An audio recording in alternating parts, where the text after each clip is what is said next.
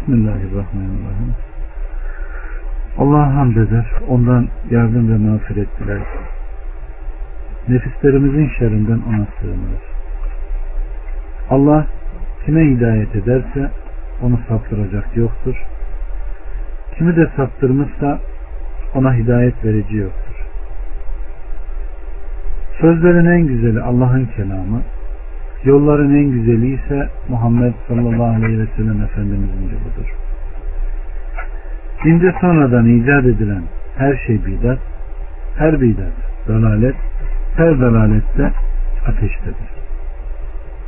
Kardeşlerim bundan önceki derslerin şöyle bir özetine bakarsak tevhidin olmazsa olmazlarından olan bir kelimeyle yola çıktık. Sonra ona taalluk eden konuları işlemeye başladık. Bu kelime hayatımıza renk veren, güzellik veren ve bizim dünyevi ve uhrevi saadetimizi sağlayan takva kelimesiydi. Yani Allah'tan gereği gibi korkma, Allah'a sığınma, Allah'ın istediği şeylerden razı olma ve onunla hal hareket edip onun istediği gibi bir kul olma. Emrolunanı yapma, nehyolunandan da uzak durma. Ve Rab olarak kabul ettiğimiz Allah'ın bize yüklediği yükümlerin gereğiyle amel etme. Yani tevhidi bir konu olduğu için aynen imandaki öğrendiklerimizin tevhidi boyunda ne yapma hayata geçirmeydi. Değil mi? Geçen hafta ise e, bu takva kelimesinin içeriği olan Allah için sevgi, Allah için buğzu gördük. Değil mi? Ve bunun neden yapılması gerektiğini ve neden gündeme gelmesi gerektiğini üzerlerinde durduk ve tutan insanların Allah indindeki mükafatlarını tutmamanın sebepleri nelerdir? Bunların üzerinde durduk ve insanın işlemiş olduğu günahları Allah için sevmeye mani olduğunun üzerinde durduk. İşte bu konunun biraz daha iyi anlaşılabilmesi için bugün günahların kalp üzerinde olan etkisi üzerinde duracağım inşallah. Çünkü biliyorsunuz imanın ilk merhalesi neresidir? Kalptir değil mi? Tevhidin de bütün döndüğü nokta kalptir kardeşlerim. Yani tevhidi, akidevi konularının hepsi nerededir? Burayla alakalıdır. Yani tetikleyen yer neresidir? Kalptir. Buranın nasıl olduğunu, nasıl işlediğini anlamadan insanın uğuzlarına vermiş olduğu etkiyi anlamadan tevhidin ayakta durması da mümkün değil. Ee, günahların kalplere zararı kardeşlerim aynı zehirin bedene verdiği zarar gibidir.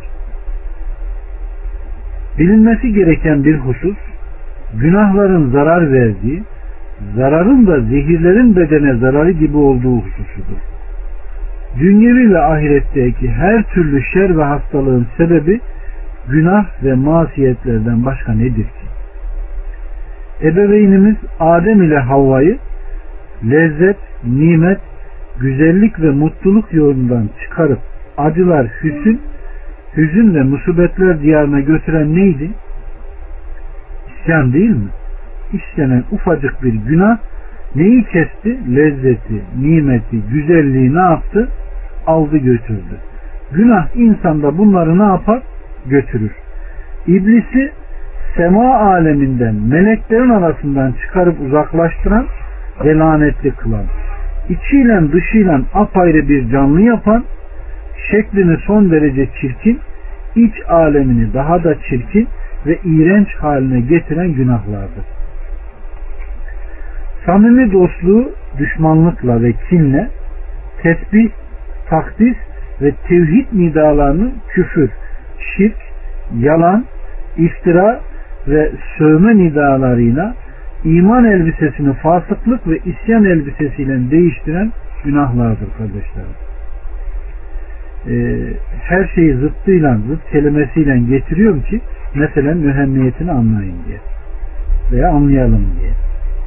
Böylece Allah katındaki değerini bitiren, gözünden düşüren, Allah'ın gazabını çekip kendini uçurumluğa sürükleyen öfkesini kazanıp kendini mahvettiren günahtır. Onu her fasık ve mücrimin önderi yapan, ibadet ve taatta önder iken kötülükte önder olmaya razı olmasına yol açan günahlardan başka hiçbir şey değildir. Allah subhanahu ve teala bizleri emirlerine göre hareket eden ve yasaklarını çiğnemekten sakınan samimi insanlardan eylesin. Kardeşlerim, suyun Nuh zamanında dağların üzerine çıkartacak kadar yükselten, yeryüzündeki tüm insanları boğmasına sebep neydi? İşlenen günahlar değil mi? Bakın çok dikkat edin. Su ta dağların tepesine kadar geldi mi? Buradaki işaret ettiğimiz ne? Nuh'un oğlu ne yaptı? Ben dağların tepesine kaçar, kurtulurum dedi değil mi? Onu da yuttu mu? Ta buraya kadar yükselmesine sebep neymiş? İşlenen günahlar. Bu da gösteriyor ki işlenen günahlar ne dünyada ne de ahirette hiçbir zaman karşılıksız ne yapmıyormuş? Kalmıyormuş.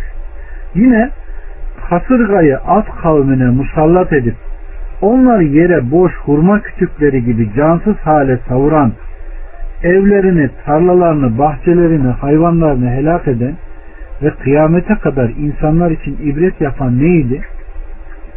İşledikleri günah değil mi? Semut kavminin üzerine kalplerini parçalayacak şiddette çığlık gönderip son fertlerine kadar öldürmesine sebep neydi? Gururlanmaları, büyüklenmeleri yani işledikleri günah. Lut kavminin kasabalarının ta gökyüzüne kaldırılıp ki melekler köpeklerin seslerini işitmişlerdi. Sonra ters çevrilip alt üst edilmesine ve insanların helef edilmesine sonra gökyüzünden taş yağmasına başka hiçbir millete verilmemiş türlü türlü azabın inmesine yol açan neydi? Ki bu azapların aynısını yapan başka milletlere de inecektir. Bunlar zalimlerden pek uzak değildir. Şuayb kavmine bir bulut gönderilip üzerlerine geldiğinde ondan ateş yağmuru yağdırılmasına sebep olan yine işlenen günahlardır. Firavun ve kavminin denizde boğulmasına, sonra ruhların cehenneme gönderilmesine, bedenlerin boğulup ruhların yanmasına yol açan yine işlediğimiz, işlenen işlediğimiz günahlardır.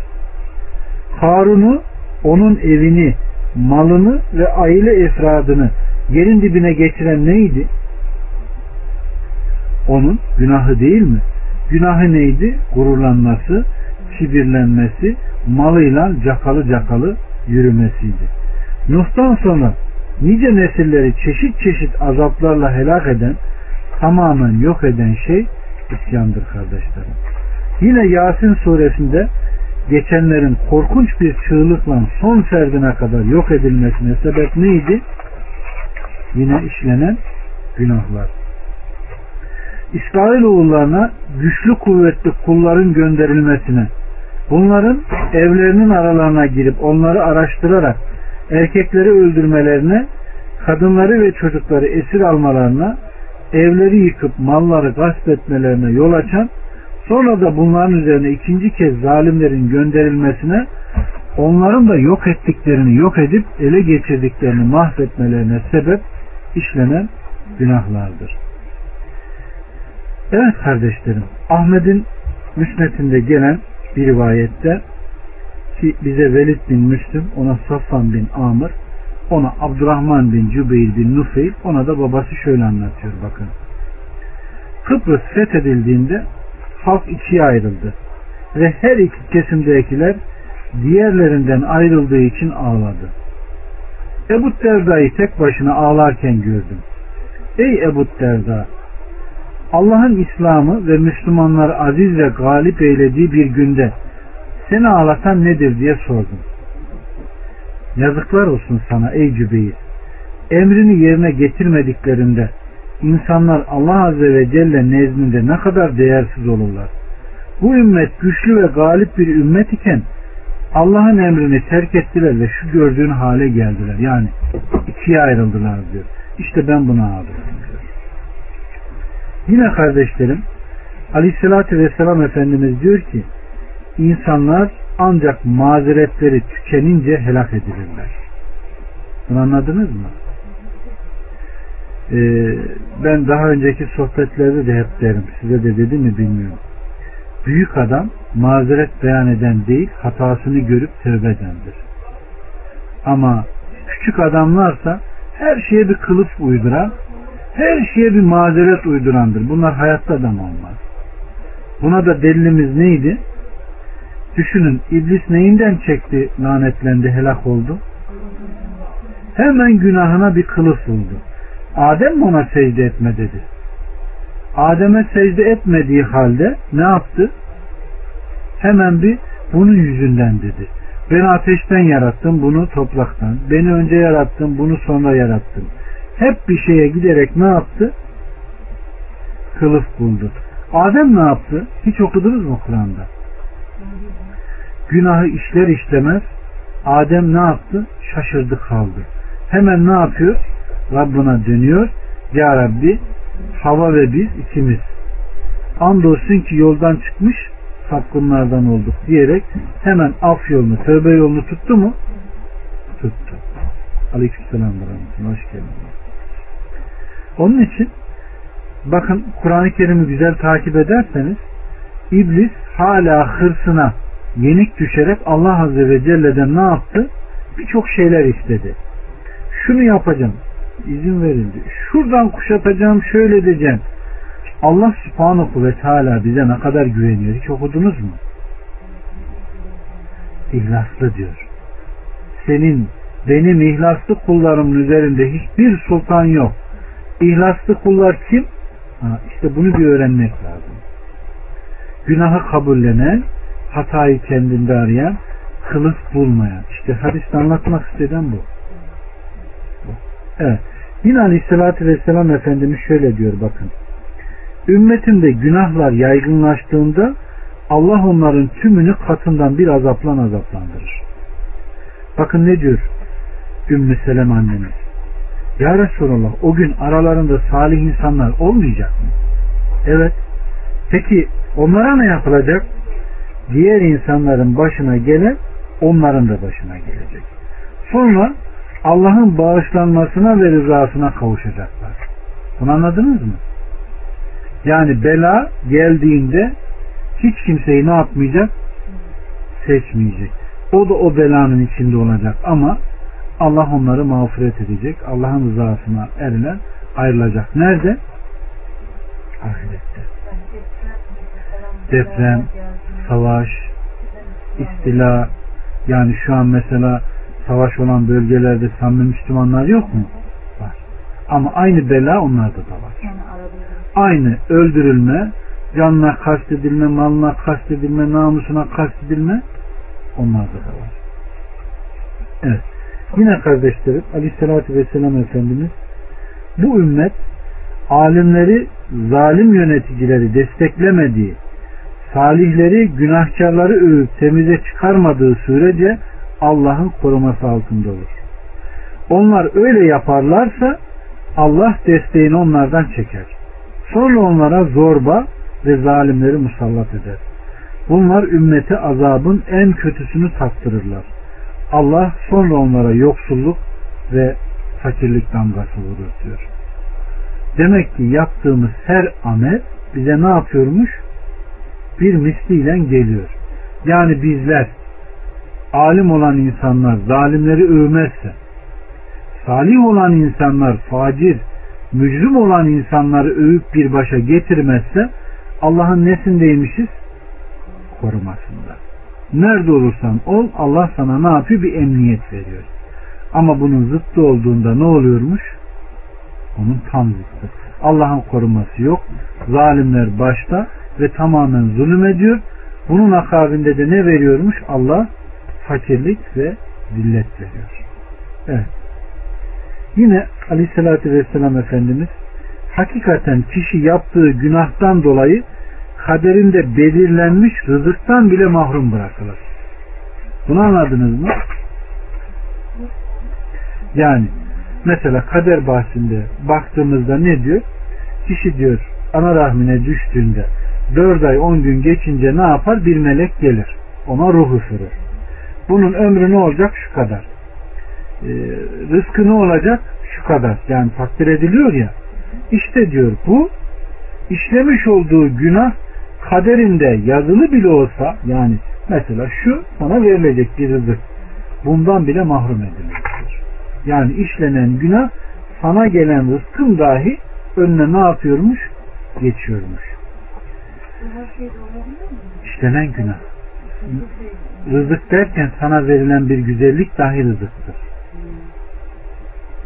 Bir dost dahi rızıktır. Yani rızık derken buradaki kasıt sadece yeme içme değil. Yeme içme değil. Evet. Tabii. Bir hadis miydi tam hatırlayamıyorum.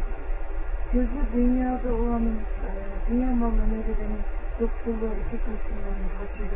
Evet. Talibün ilim, talibün dünya hadisinde. İki haris doymaz diyor. Aleyhissalatü vesselam Efendimiz. İki haris doymaz diyor. Tekrarlıyor.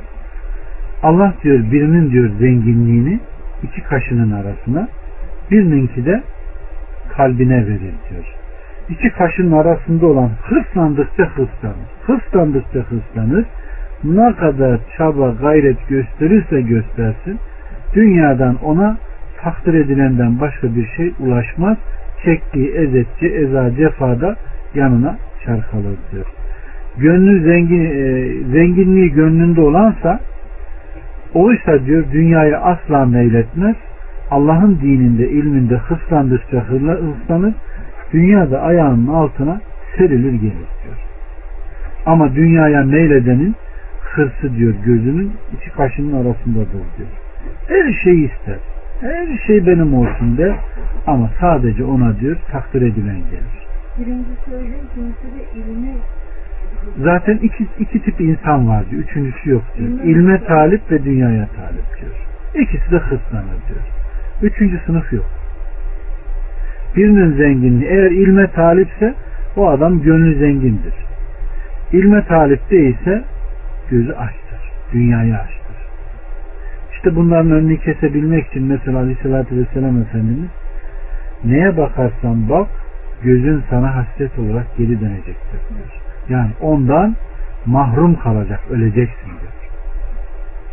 Veya Adem oğlunun bir vadi dolusu malı mülkü olsa ikinciyi görse onu da ister. Üçüncüyü görse onu da ister. Ancak gözünü toprak doyurur. Yani bu tip şeylerle de e, nefsini terbiye altına almasını tavsiye ediyor. Da bununla alakalı bir sürü ayet var. Yine konuyla alakalı Sevban hadisine baktığımızda Aleyhisselatü Vesselam Efendimizin şu diyor oburun yemek tabağına saldırdığı gibi bir gün olacak size düşman olanlar da böyle ne yapacak? Saldıracak diyor. Sahabe ne diyor? Ey Allah'ın Resulü diyor o gün biz az onlar çok olup bundan cesaret alacaklar da ondan mı saldıracaklar? Aksine diyor hayır diyor. Siz o gün o kadar çok olacaksınız ki ancak bu sel köpüğü gibi olacaksınız. Ve çerçöp gibi selin getirdiği çerçöp gibi değersiz olacaksınız. Diyor. Çok olacaksınız ama değersiz olacaksınız. Ve diyor Allah kafirlerin, düşmanların kalbindeki size karşı olan korkuyu alacak, sizin kalbinize ne atacak? Vehen atacak diyor. Sade o ana kadar o kelimeyi hiç duymamış kardeşlerim. Vehen nedir diye sorduklarında Aleyhisselatü Vesselam Efendimiz ne diyor? Dünyayı sevmek ölümden hoşlanmamaktır diyor. Demek ki dünyaya hırs kafirlerin de ne yapmasına sebep oluyormuş? Sana karşı cesaretlenmesine, senden artık korkmamasına sebep oluyor. Demek ki yapmış olduğumuz her hata, günah bizi dünyada da rezil ve rüsvay olmaya ne yapıyormuş? İtiyormuş. Yine bakın Aleyhisselatü Vesselam Efendimiz biraz zengin tuttum bu açıklamaları. Hem hadis bilgimiz şöyle bir tazelensin diye. Enes'ten gelen bir rivayette bakın ne diyor. Hadislerin çoğu da muhtasardır. Tam metinlerini anladım. Miraç gecesinde bakırdan tırnakları bulunan insanların yanından geçtim. Tırnaklarıyla yüzlerini ve göğüslerini tırmalıyorlardı. Bunlar kimdir ey Cibril diye sorduğumda bunlar insanların etini yiyen namuslarını kirleten kimseler dedi. Bakın dünyada işlenen günahlar ne yapıyormuş? Ahiretteki karşılığı da bu.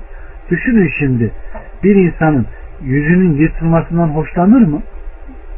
Hı? Mesela şu hadisi hatırlayın.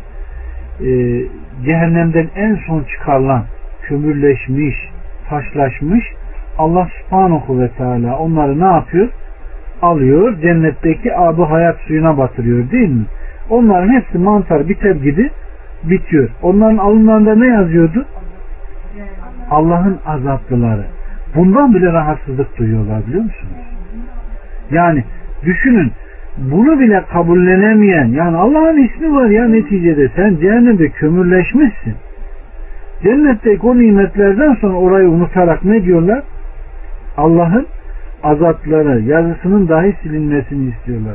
Düşünün orada, bakın burada Müslümana iftira atan, Müslümanın dedikodusunu, kıybetini eden, etini yiyenden kasıt budur. Orada ne yapacakmış? Yüzleri ve göğüsleri tamamen kırmalanacak. Allah böyle huylardan hepimizi korusun. Hem bizi hem de neslimizi. Yine Tirmizi'de gelen bir rivayette bakın aleyhissalatü vesselam Efendimiz ne diyor kardeşlerim?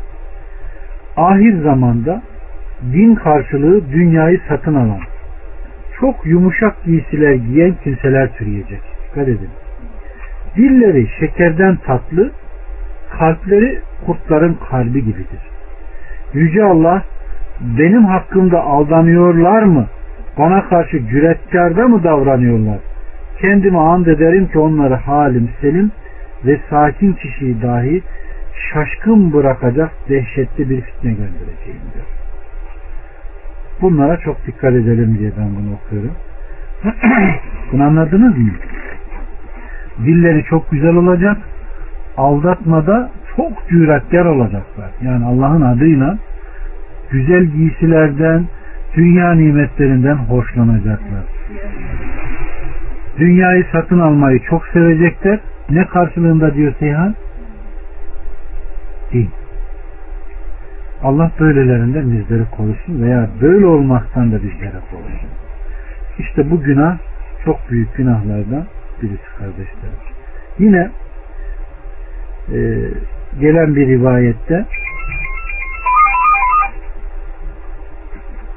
bakın Ali Efendimiz'den rivayette şöyle geliyor. Öyle bir zaman gelecek ki İslam'ın ve Kur'an'ın sadece yazısı kalacak.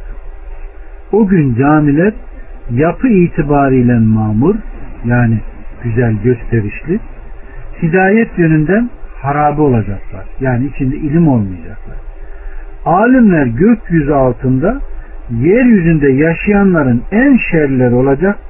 Fitne onlarla başlayacak. Yine onlara dönecek. Bunu anladınız mı? Mesela sohbetin önünde ben işte artık bu şeyi de helal kılmışlar dedim mi? Bu toplumun ne gördüğü insan bunlar? Alim. Şimdi e, sanki insan bunları okuyunca acaba zamanımız mı diyor. Hangi camiye bakarsak bakalım yani saray gibi değil mi?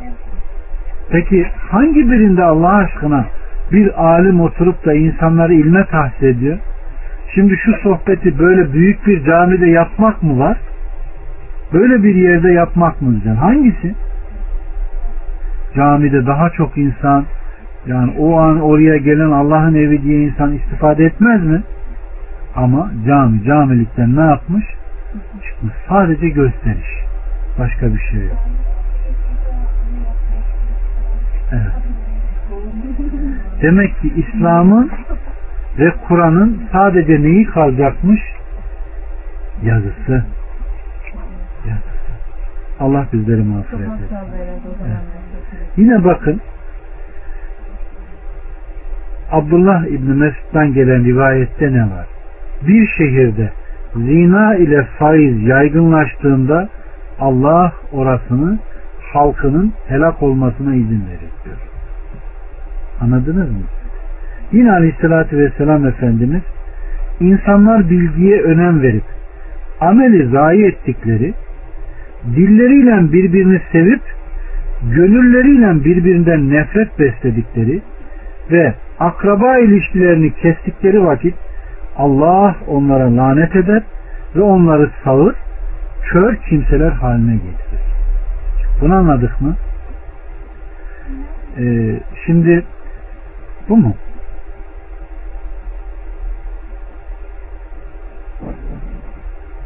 Hasan-ı Basri'den geliyor. İbni Ebud dünyadan geliyor. Ve İbn-i Mace'nin süneninde geliyor bu hadis şerif.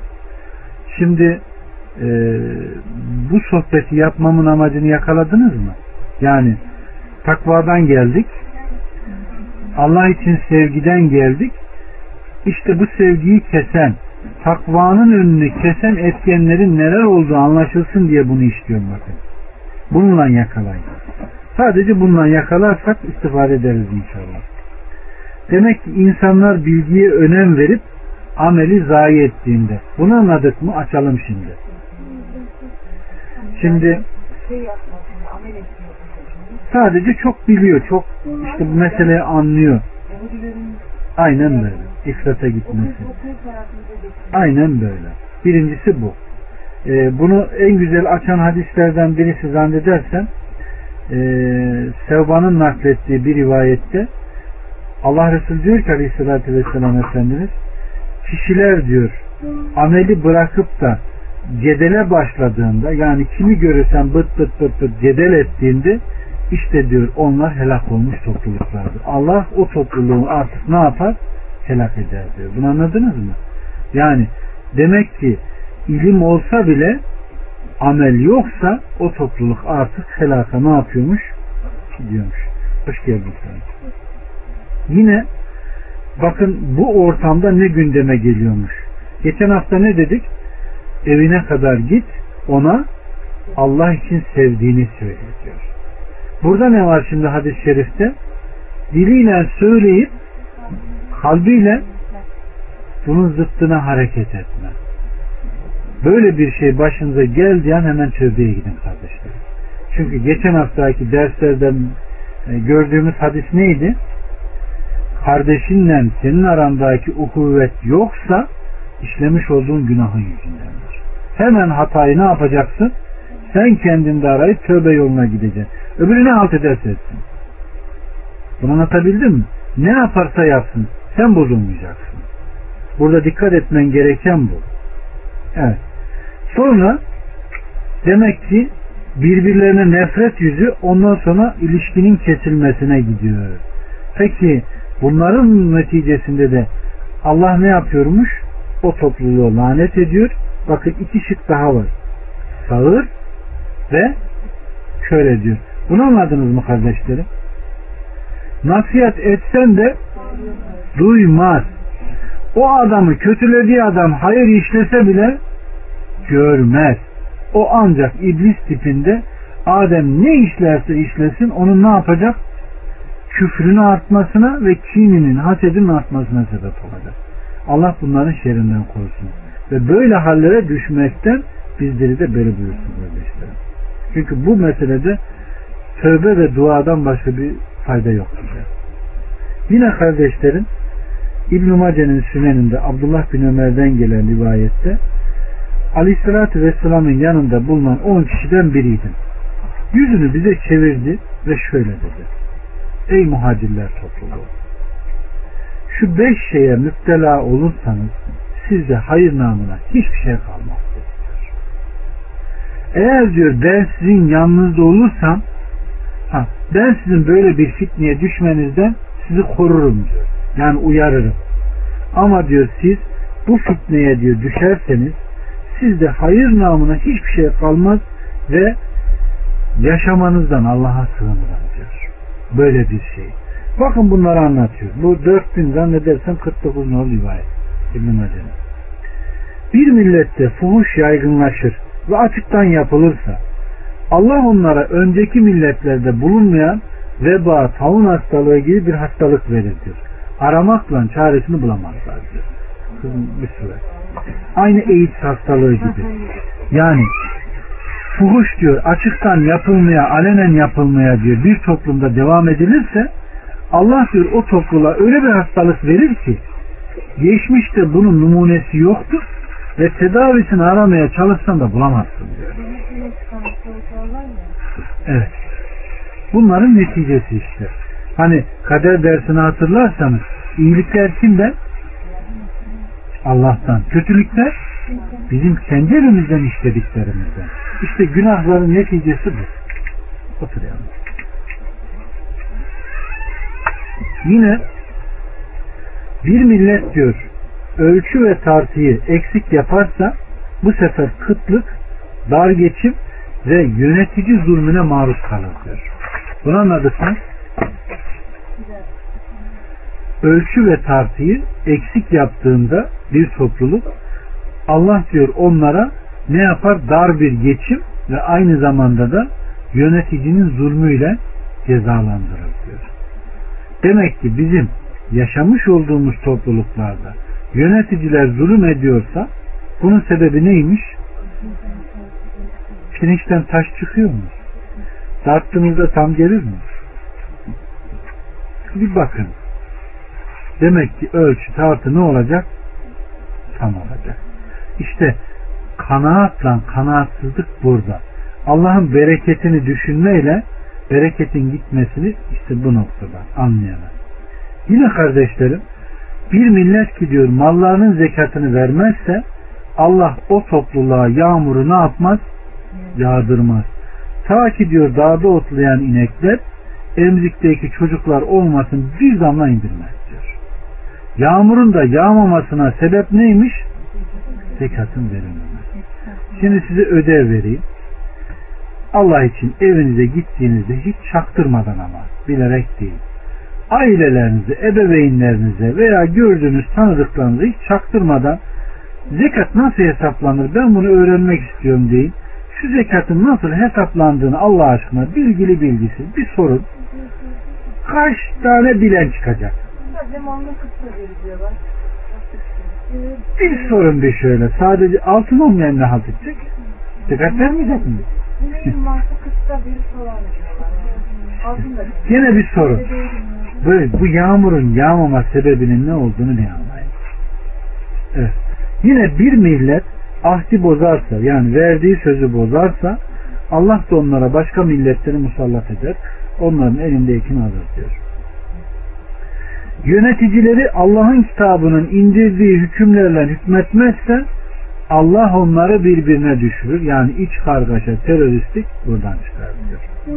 İşte diyor ben sizin bu hallere düşmenizden Allah'a sığınırım. Siz de diyor buna düşerseniz sizde hayır namına hiçbir şey ne yapmaz? Kalmaz. Dördüncüsü bir millet ahdini bozarsa Allah onlara başka milletlerden düşman musallat eder onların ellerindekini alır diyor. Yani bir kısmını. Aynen bugün mesela birisi Irak'a gireceğim terörist buradan saldırıyor. Öbür diyor ki ta Amerika'da giremezsin diyor. Giremezsin diyor. Mesela anlaşma. Gavur bile olsa ben senden bir anlaşma yaptıysam bunu bozmayacağım. Ahitlere sadık kalınması gerekiyor. Umum. İster sert adı, isterse umum. Sözünü tutacaksın. Zaten münafıklığın alameti nedir? Birisi söz tutmamak. Beşincisi de yöneticileri yani yönetilen hüküm Allah'ın hükümleri olacak. Eğer Allah'ın hükümleri değil de idare edenler kendi hükümlerini koyup yönetiliyorlarsa Allah o topluluğun iç kargaşa, anarşi gibi bir şey onlara musallat eder ve bunu çözemezler diyor. Bu hadis-i şerifi şuradan da tek dersten sonra okuyabiliriz. Yeni ziyade istiyorum. Evet, yanlış hatırladım.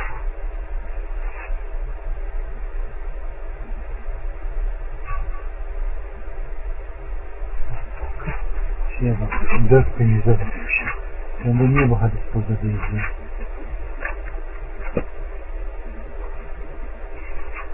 aslında züht babları hep tevhidi meselelerdir. Ha bu elbitenin nakşi eski tipi 4019 estağfurullah 49 değil. Her zaman bu hadisleri karıştırıyorum. İbn-i.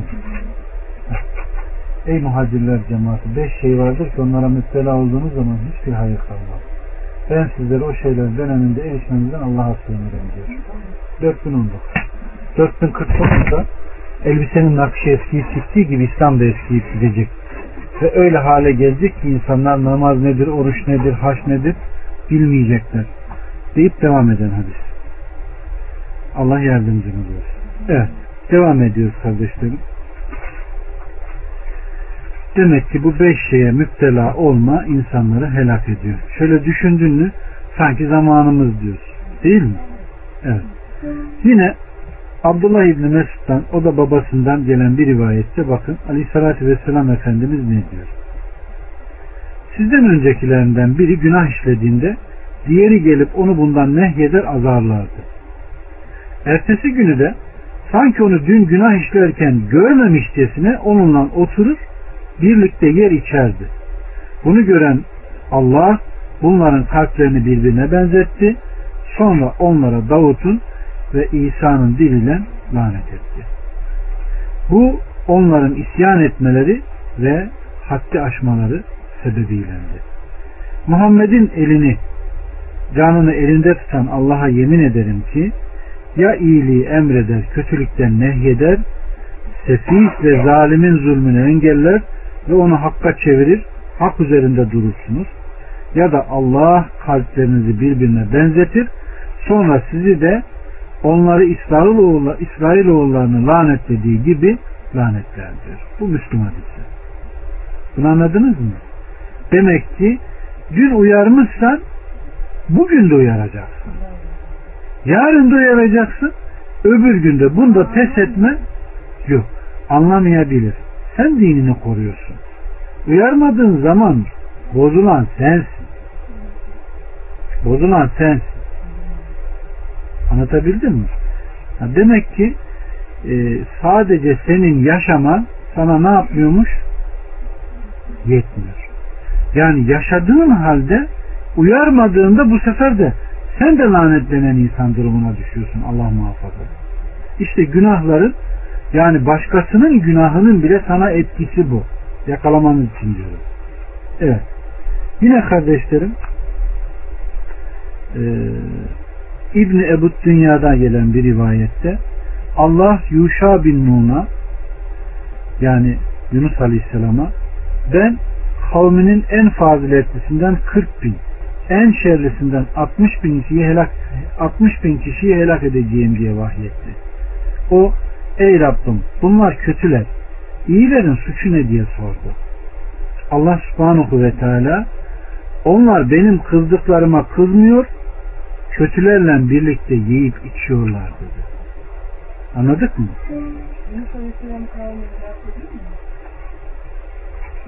Şimdi siz şundan karıştırıyorsanız e, Yunus Aleyhisselam kavmi iman etmeyince gemiye binip gidiyor ya tam bela üzerlerine geliyor Allah hidayet ediyor kalıyor. Bundan karıştırmaya. Sadece orası o kıssanın. Ama koskoca bir kavminde yaşantısı var. Burada anlatılmak istediğim neymiş?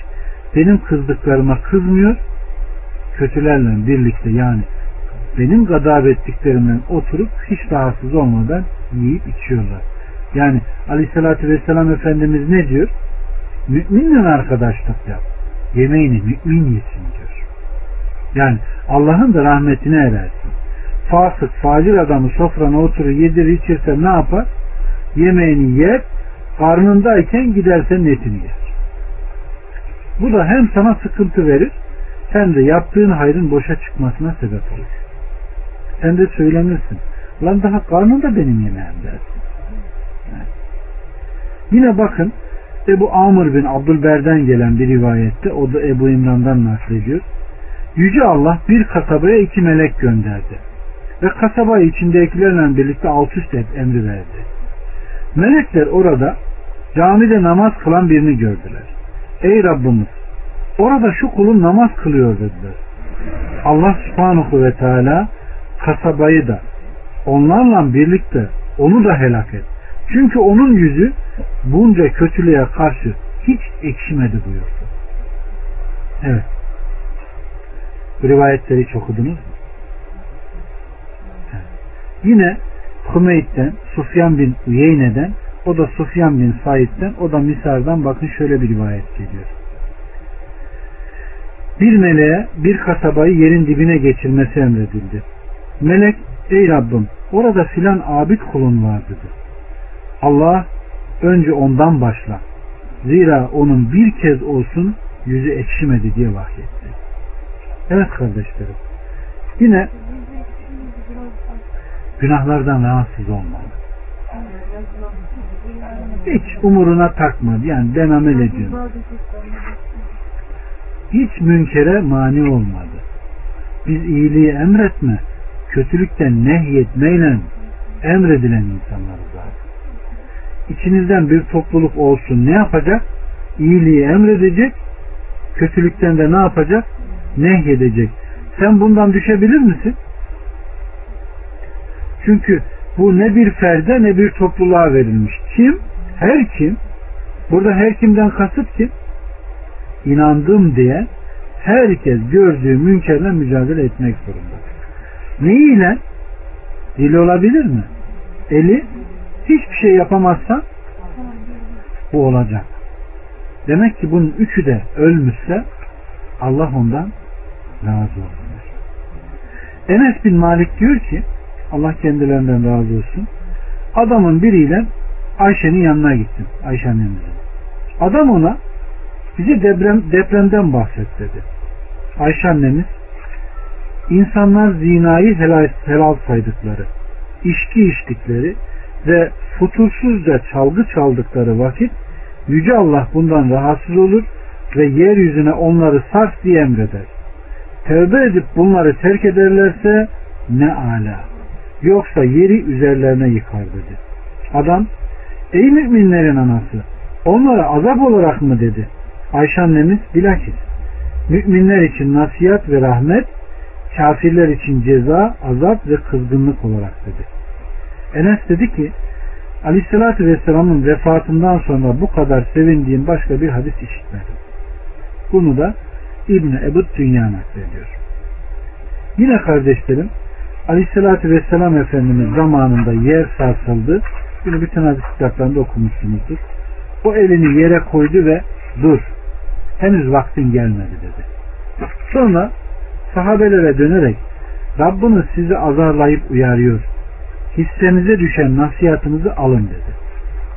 Sonra Hazreti Ömer döneminde bir deprem daha oldu. Ömer, ey insanlar bu deprem mutlaka türettiğiniz bir takım bidatlardan dolayı, dolayıdır.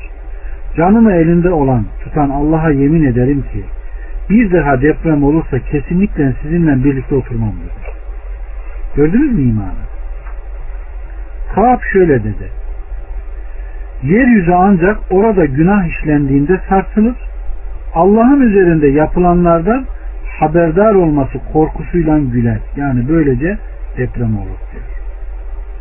Ömer bin Abdülaziz valilerine bakın şöyle mektup yazıyor.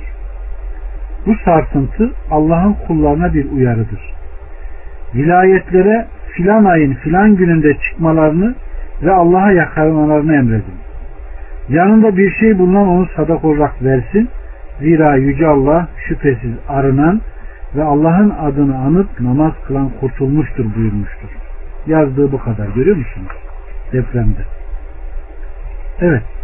Adem'in dediğini değil. Adem ile Havva dedi ki Rabbimiz nefsimize zulmettik. Bizi bağışlamaz, bize merhamet etmezsen gerçekten zarara uğrayanlardan oluruz. Araf 23'te. Nuh Aleyhisselam'ın söylediğini söyleyelim kardeşlerim. Ne diyor? Beni bağışlamaz, bana merhamet etmezsen ziyana uğrayanlardan olurum. Hud 47'de. Yunus Aleyhisselam ne diyor? Senden başka ibadete layık ilah yok. Seni tüm noksanlıklardan tenzih ederim. Ben zalimlerden oldum. La ilahe illa ente subhaneke inni kuntu minez. Enbiya 87'de. Ahmet'ten gelen bir rivayette bakın aleyhissalatü vesselam Efendimiz ne diyor? İnsanlar dinar ve dirhemde cimrilik yaptıkları, hileli bir faiz alışverişi, türlü alışverişte bulundukları, ineklerin kuyruklarını kestiği ve cihadı terk ettikleri vakit Allah onlara bela ve musibetleri verir ve dinine dönmediği sürece onları kaldırmaz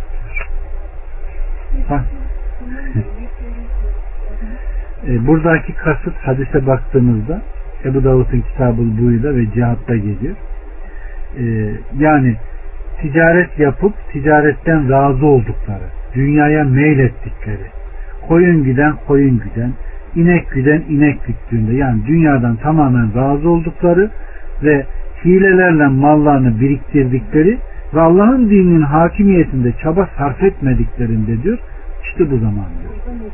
Mecaz kullanıyor. Hadiste açıyor yani. Evet.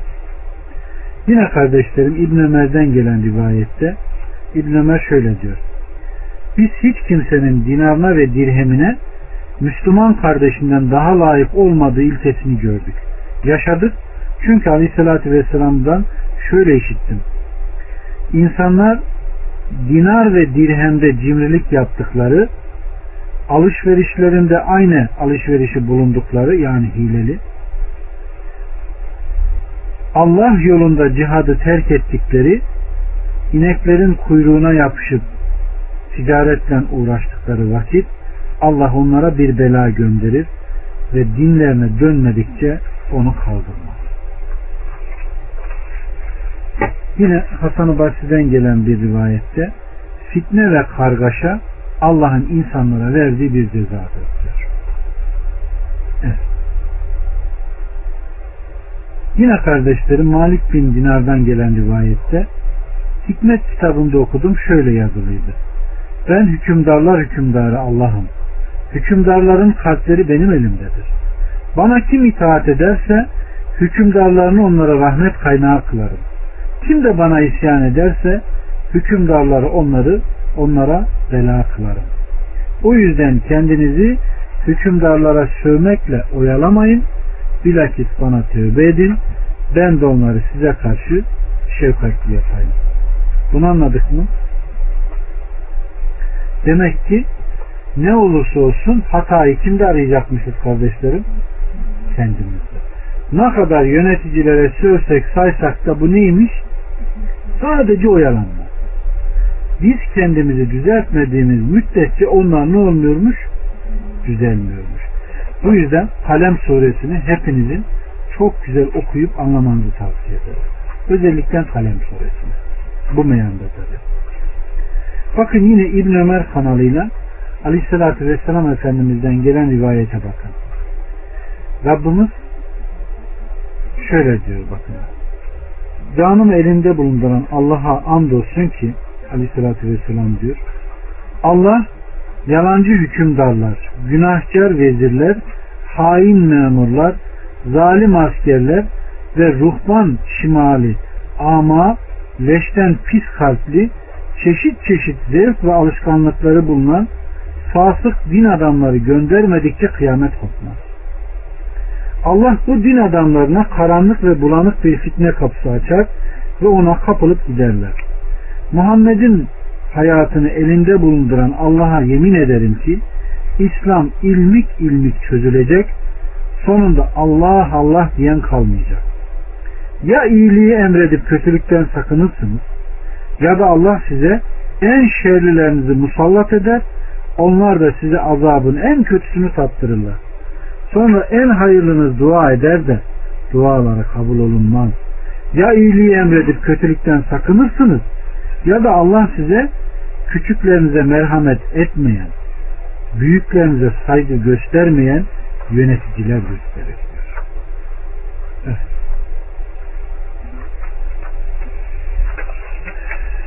Allah yardımcımız olsun. Yine Tabarani Mucemi Sair'de gelen bir rivayette kardeşlerim bir toplumda Lut kavminin işlediği lutilik yaygınlaşırsa onlarda yerin dibine geçirilme, depremler çoğalır diyor. Bir millet iyiliği emretmeyi, kötülükten men etmeyi terk ederse hiçbir ameli Allah katına yükseltilmez, hiçbir duası kabul olmaz diyor. Evet. Yine kardeşlerim Ahmet'in müsnetinde ve diğer hadislerde gelen Ayşe annemizden gelen bir rivayette Aleyhisselatü Vesselam bir şeyden etkilenmiş halde yanıma geldi. Bir şeyden etkilendiği, bir şey yapmaya niyetlendiği yüzünden belli olurdu. Hiç konuşmaz. Abdest aldı, dışarı çıktı, minbere çıktı, Rabbına hamdü sena ettikten sonra şöyle buyurdu. Ey insanlar! Allah size şöyle buyuruyor. İyiliği emredin, kötülükten nehyedin. Yoksa bana dua ettiğinizde kabul etmem, yardım istediğinizde yardım etmem, benden bir şey istediğinizde onu vermem. Evet kardeşler. Emredilen bu. Allah hakkıyla amel edenlerden eylesin. Bakın yine gelen bir rivayette kendisinden habersiz olmanın ve Allah'tan yüz çevirmenin alameti şudur. Anladınız mı? Kendisinden habersiz olmanın ve Allah'tan yüz çevirmenin alameti şudur. Allah'ın sevmediği bir olayı görüp kendine dahi bir fayda ve zarar vermeyen kimselerden korkarak ses çıkarmaman, hiçbir emir ve nehide bulunmamandır. Bunu anladık mı? Yani nerede olduğumuzu hani kantara çıkıp kaç kiloyum diye takip eden insanlar olur ya işte rejim yapacağım ben şundan şöyle yapacağım diye aslında kişinin rejimi günahlardan sakınması olması gerekir. Evet. Her kim insanlardan korktuğundan ötürü iyiliği emir ve kötülükten nehi terk ederse ondan itaat edilme özelliği kaldırılır.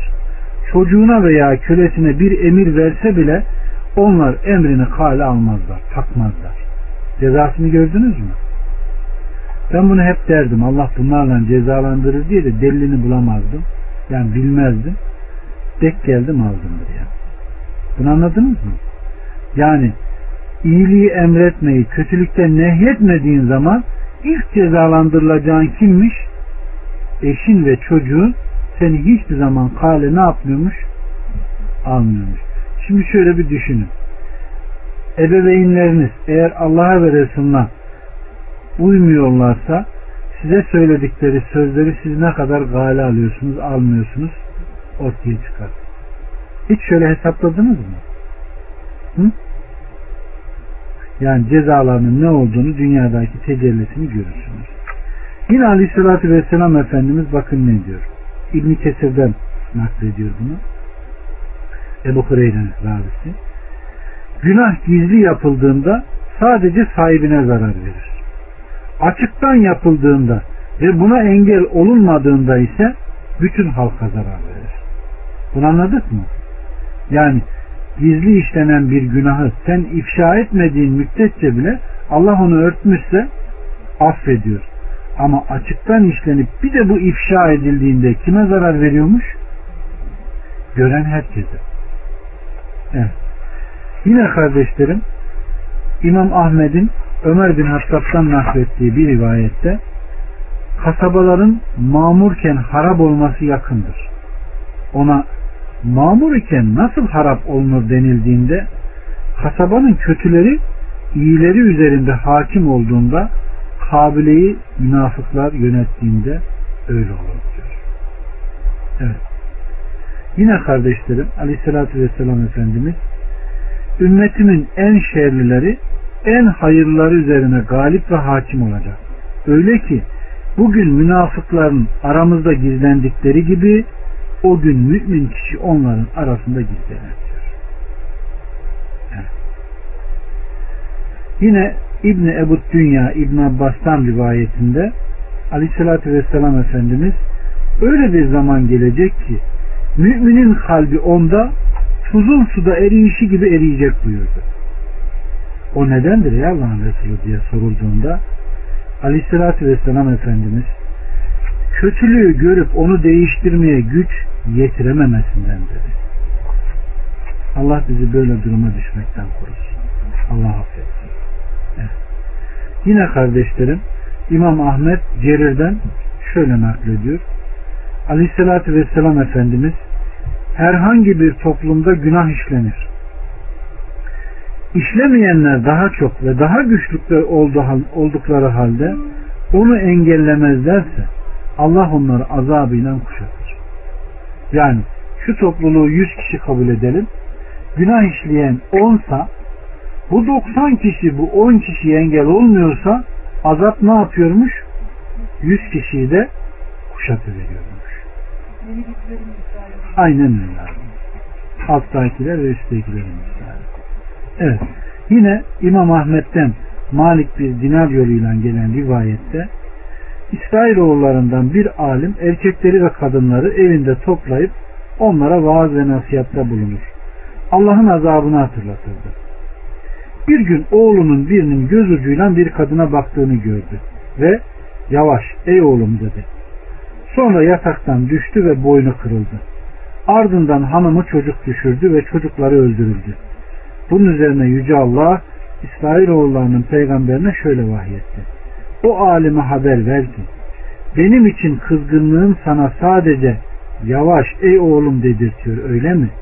Artık senin neslinden hiçbir sıtlık çıkarmayacağım dedi. Görüyor musunuz? Sadece bu mu? Bilenin işlediğiyle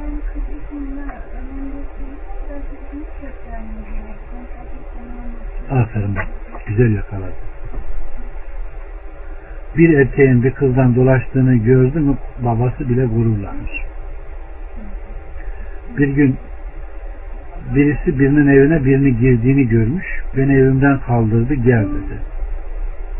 Sabah namazına kadar bekledik. Ben yatacağım dedikçe yok beni yalancı duruma mı düşürüyorsun dedi. Sabahın ilk ışıklarında oğlan evden çıktı.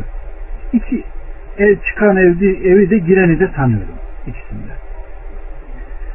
Yanımdaki çocuğa çok ağır ifadeler kullandı.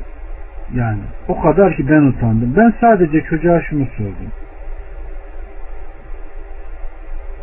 Şu an şu çıkılan ev senin evin olsa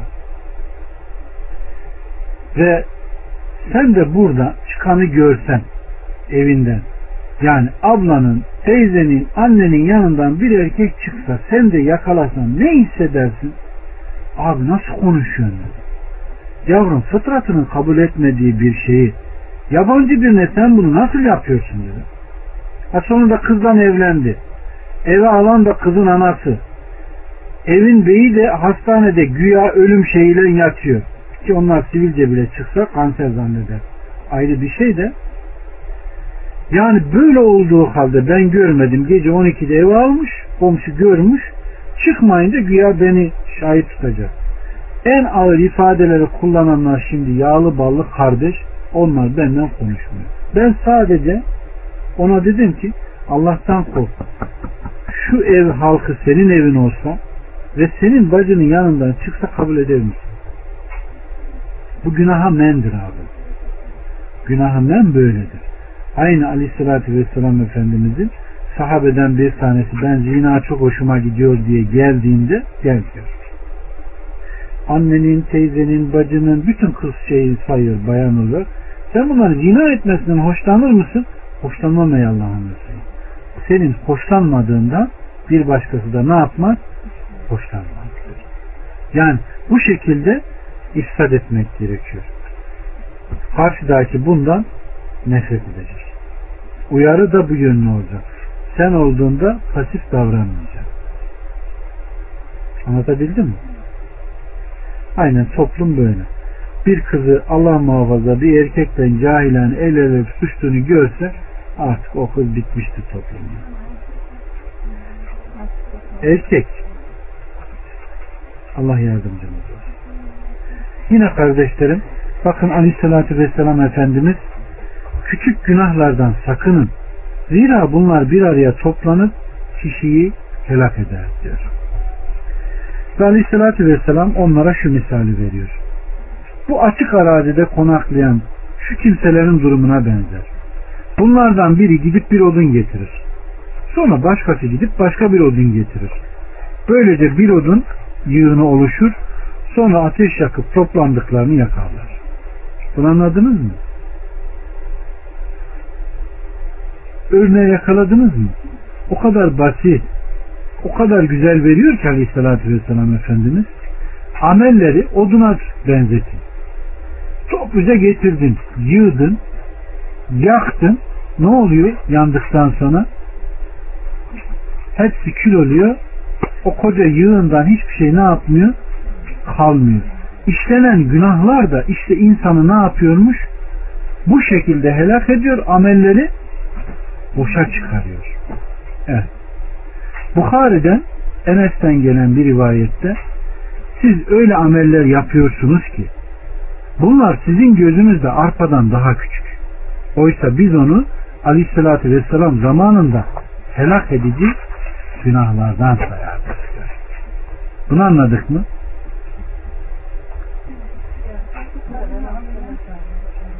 Yani sahabelerin hayatını bol bol okuyun demek. Onların birbirine karşı muhabbeti ve günahtan sakınmaları ve birbirlerini sakındırmalarını okuyun demek. Onlar küçücük bir şey dahi önemsiyorlar mıydı? Ve bunun helak sebebi olduğunu biliyorlar mıydı? İşte bizler onları terk ede terk ede bu hallere geldik. Yine Bukhari Müslüm'ün ittifakla aldığı bir rivayet var. Abdullah bin Ömer hadisi. Aleyhissalatü Vesselam Efendimiz ne diyor? Hepimizin duyduğu gibi. Kadının biri bir kedi sebebiyle azap görüyor. Onu ne yapıyor? Ölene kadar hapsettiği için. Cehenneme giriyor. Ona ne yedirip ne içiriyor ne de kendisinin yemesi için onu serbest bırakıyor. Ne yaptı? İşlemiş olduğu bir günah onun cehenneme girmesine sebep oldu mu? Dikkat edin bakın. Merhamette de kızgınlıkta da ne yapmamız gerekiyormuş? Ölçülü olacak. Ne kadar iyi birisi olursan ol, kızdığın bir kedi dahi olsa onu hapsedip ne yapmayacaksın? Ölümüne sebep olmayacaksın. Yine kardeşlerim, Huzeyfe'ye İsrailoğulları dinlerini bir günde mi bıraktı diye sorulduğunda o hayır. Ancak bir şeyle emrolunsalar yapmazlar. Bir şeyden men edilseler ondan kaçınmazlardı. Sonunda kişinin gömleğinden sıyrılışı gibi dinden sıyrıldılar diyor. Neden dinden çıkmışlar? Emrolunanı yapmamışlar. Men olunandan da ne yapmamışlar? Uzak olmamışlar. Demek ki bizler ne yapacakmışız? Emrolunandan hareket edip nehyolunandan da ne yapacağız? Uzak duracağız ki felaha eren, kurtulan topluluklar olalım. Rabbimiz demiyor mu ayetinde? O size neyi getirmişse alın, neyden de nehyetmişse sakının ki felah bulasınız diyor. Demek ki günah işleyen bir günah işledikten sonra onun kötü sonucundan ve cezasından korkmaksızın güven içinde ikinci kez yapması günah işlemenden daha büyük bir cürümdür.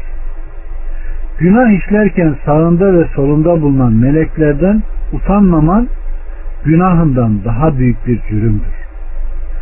Allah'ın günahından dolayı sana ne yapacağını bilmediğin halde gülmen yaptığın günahtan daha büyük bir cürümdür.